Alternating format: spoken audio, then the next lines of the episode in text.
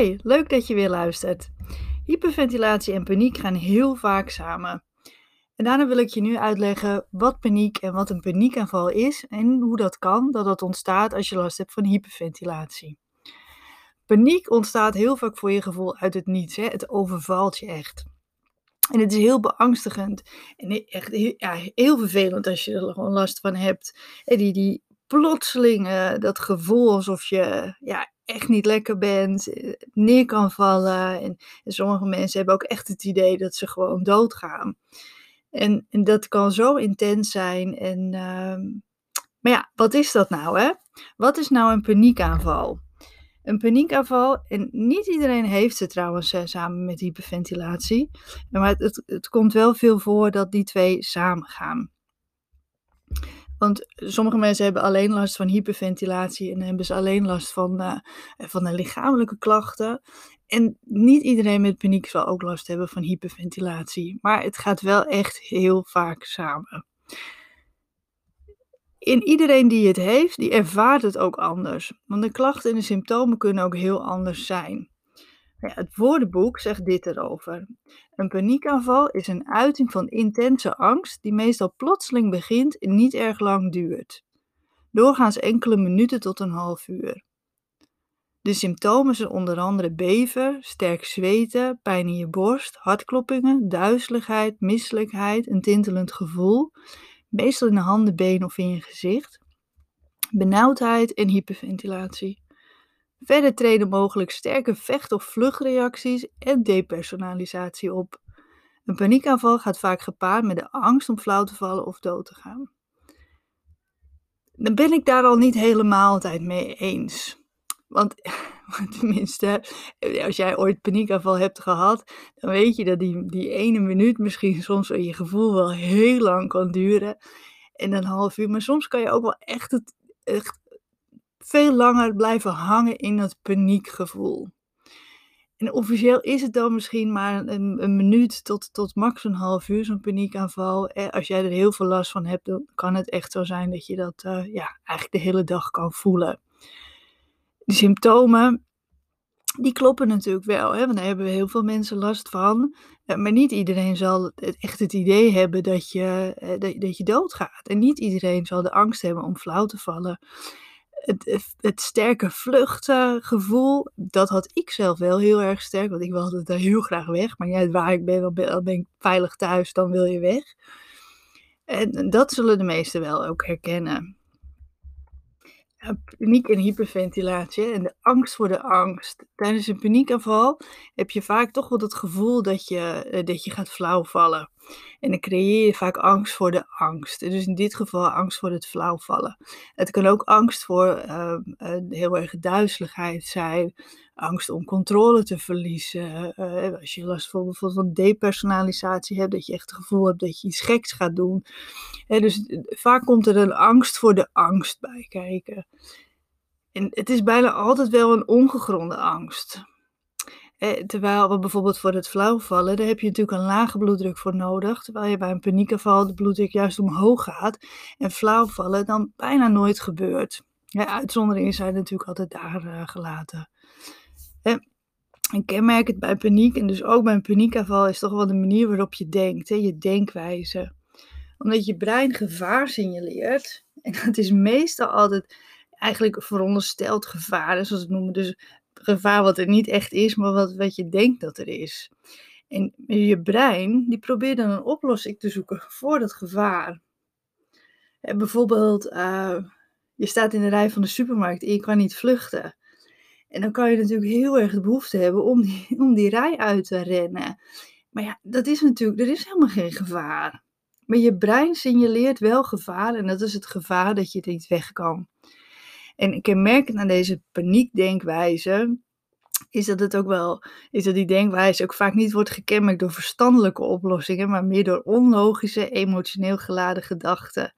Want meestal eh, weet je wel dat het niet terecht is, maar je voelt wel heel erg die angst. Als je die, in die rij van die supermarkt kan je wel denken van nou, ik, ik hoef helemaal niet weg, er gebeurt me helemaal niks. Maar toch heb je dat, dat hele sterke gevoel van binnen dat je denkt, nou, ik, ik moet hier vluchten, want, want direct val ik flauw. En dan zegt dat andere stemmetje misschien, ja, maar dan nog.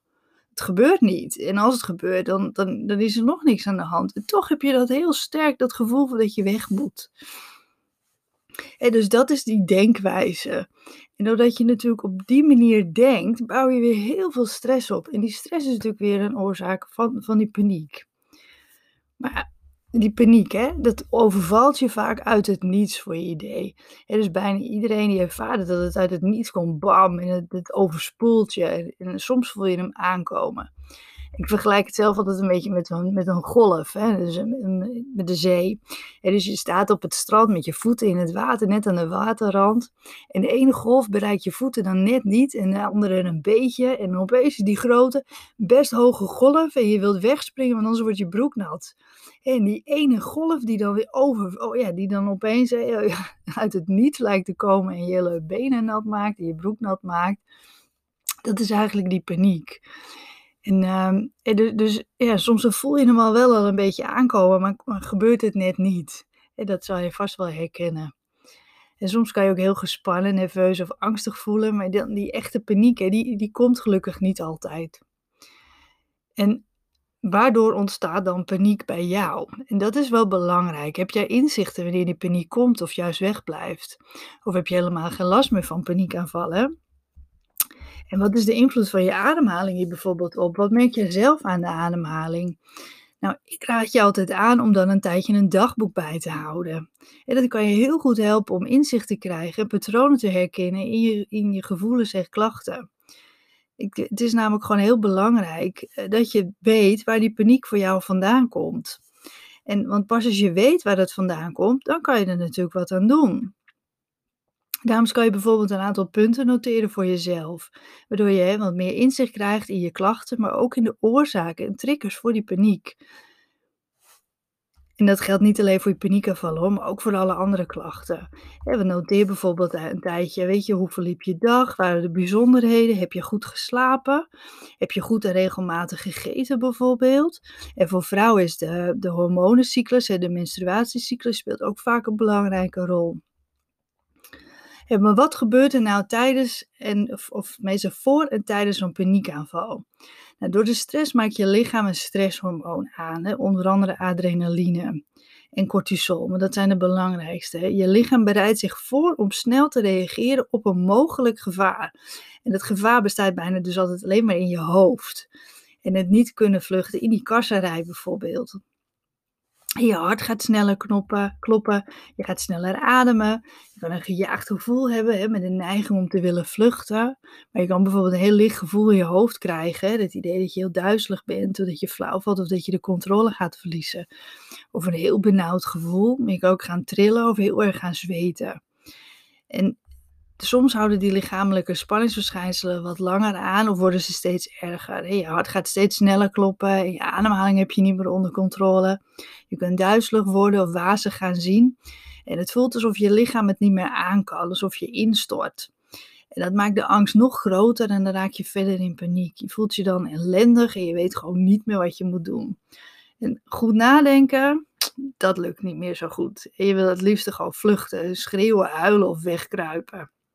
Dat is waarschijnlijk best wel herkenbaar. En dus je, je, je ziet gevaar, of je brein denkt dat er gevaar is, en dan maakt je lichaam stresshormonen aan. En die stresshormonen, die zorgen dus voor die lichamelijke reacties. En dat, kijk, dat is niet zo erg als je dat een keertje hebt, maar heb je heel veel spanning in je lichaam, heb je dus al vrij veel stresshormonen, dan hoeft er dus maar één trigger te zijn, bijvoorbeeld één gedachte of een lichamelijk gevoel. En dan kan je dat dus, dat kan dus dan doorslaan in paniek. je emmer is als het ware al zo vol dat er komt één druppeltje bij en dan ontploft de boel in een paniekaanval. Wat zijn dan de verschijnselen van een paniekaanval? Nou, ik heb er natuurlijk net een aantal al genoemd. Hè? En sommige mensen hebben maar één of twee van die klachten. En andere mensen hebben eigenlijk een hele waslijst van klachten tegelijk. Nou, ik zal nog een aantal klachten voor je opnoemen, hè, voor die herkenning, want die is vaak wel heel erg prettig om, om te weten dat je niet de enige bent. Nou, snelle hartslag, zweten, koude rillingen, duizeligheid. Je kan bijvoorbeeld heel koud hebben, maar toch heel erg zweten. Eh, of gewoon echt heel erg warm hebben, dat je gewoon een soort opvlieger hebt en dat je denkt: "Oeh, ik heb het zo warm." En een benauwd gevoel kan je ervaren of een vervelend gevoel in je borst. Maar ook tintelingen. En bijvoorbeeld of een doof gevoel in je handen of voeten, in je gezicht of in je tong. Ja, dus dat is, ehm, ja, dat is vaak ook gewoon heel beangstigend. En een droge mond, dat je dat komt vaak ook heel vaak voor.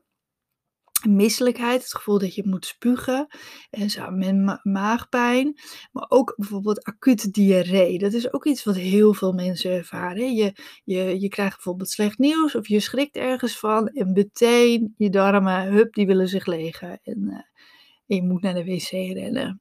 Dat is echt iets wat heel vaak samengaat met, eh, met met paniek.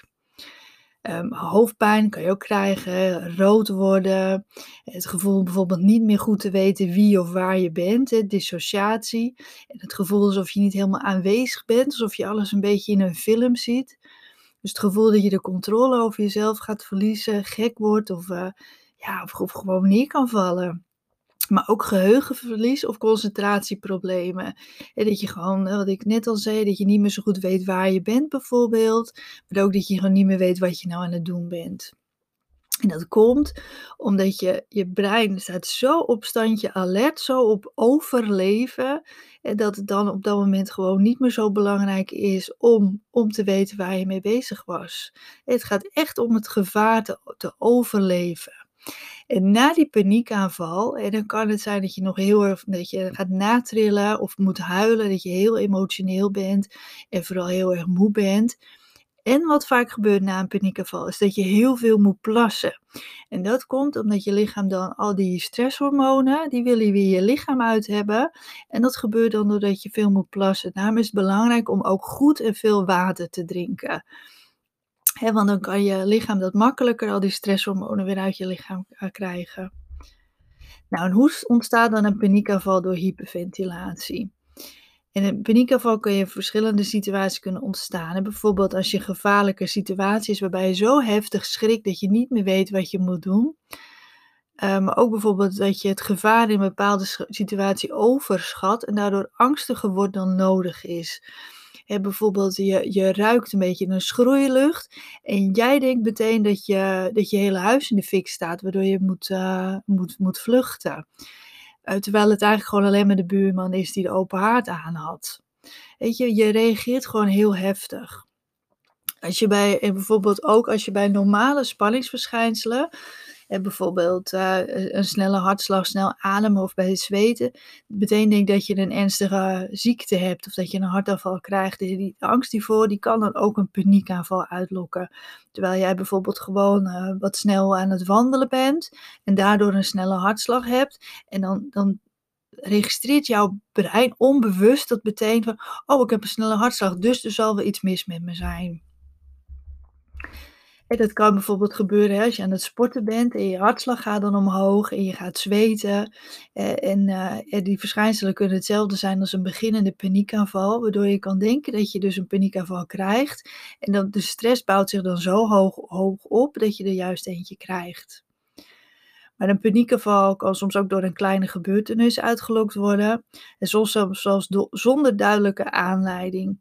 Bijvoorbeeld overbelasting of oververmoeidheid kunnen hierbij ook al een heel grote rol spelen. Als je gewoon zo moe bent, dan kan er gewoon een heel klein iets zijn. En dan, hè, wat ik net ook zei, is je emmertje is zo vol, er hoeft maar iets te gebeuren en hij loopt over. En dat overlopen is dan in dit geval met een paniekaanval. Bepaalde stoffen, zoals cafeïne en suiker, die kunnen ook lichamelijke verschijnselen van angst versterken.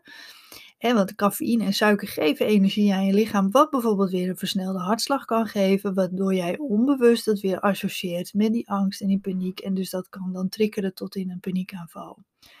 En ook als je eenmaal een paniekaanval hebt gehad, dan kan je daarna gewoon heel bang zijn voor herhaling. En dat geeft vaak zoveel spanning dat, dat je daardoor juist weer een, uh, een paniekaanval kan worden uitgelokt bijvoorbeeld, je staat in die rij van die supermarkt en je denkt, Oh, nou die die, cashier die schiet ook weer niet op. Waardoor je eigenlijk al, gaat nadenken van: "Oh, uh, ik kan nu die rij niet uit." En vaak gaan we dan van alles en nog wat aanspannen. We spannen onze schouders aan, we gaan onze armen over elkaar zetten, waardoor je dus niet zo goed kunt ademen en zoveel spanning krijgt, ja, dat dat juist een paniekaanval triggert.